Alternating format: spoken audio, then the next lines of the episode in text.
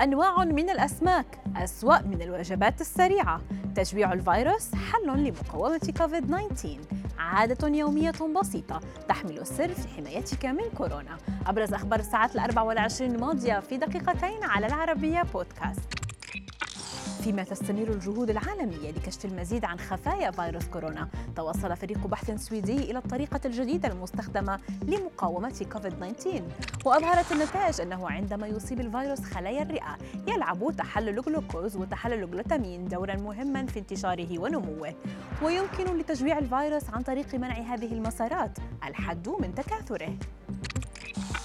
تأثير كورونا طال صحتنا النفسية أيضا.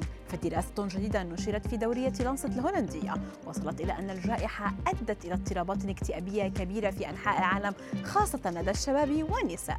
فالشباب عانوا في ظل بعدهم عن أصدقائهم نتيجة إغلاق أماكن الدراسة في حين أن العديد من النساء واجهن مخاطر عنف أسري أكثر وأعمال منزلية أكثر. حيث سجلت الدراسة 76 مليون حالة إضافية من الاضطرابات المرتبطة بالقلق و53 مليون حالة من اضطراب الاكتئاب الكبير مع انتشار انتشار كورونا خلال عام 2020 أكدت دراسة حديثة أجراها باحث من جامعة القاهرة أن استخدام غسول الفم كل صباح قد يساعد في حمايتك من فيروس كورونا.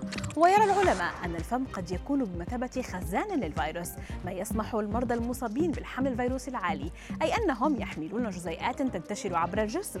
فكلما زاد عدد الفيروسات في الجسم الشخص زادت احتمالية إصابته بأعراض المرض الشديدة. كشف تقرير أن المأكولات البحرية ليست كلها صحية بل قد تعتبر خيارا أسوأ من الوجبات السريعة وفق موقع Eat This Not That.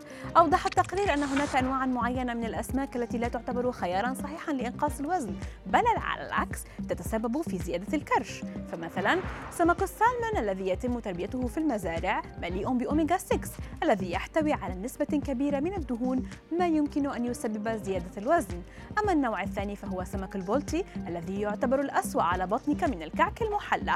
وسمك القرميد وسمك أبو السيف.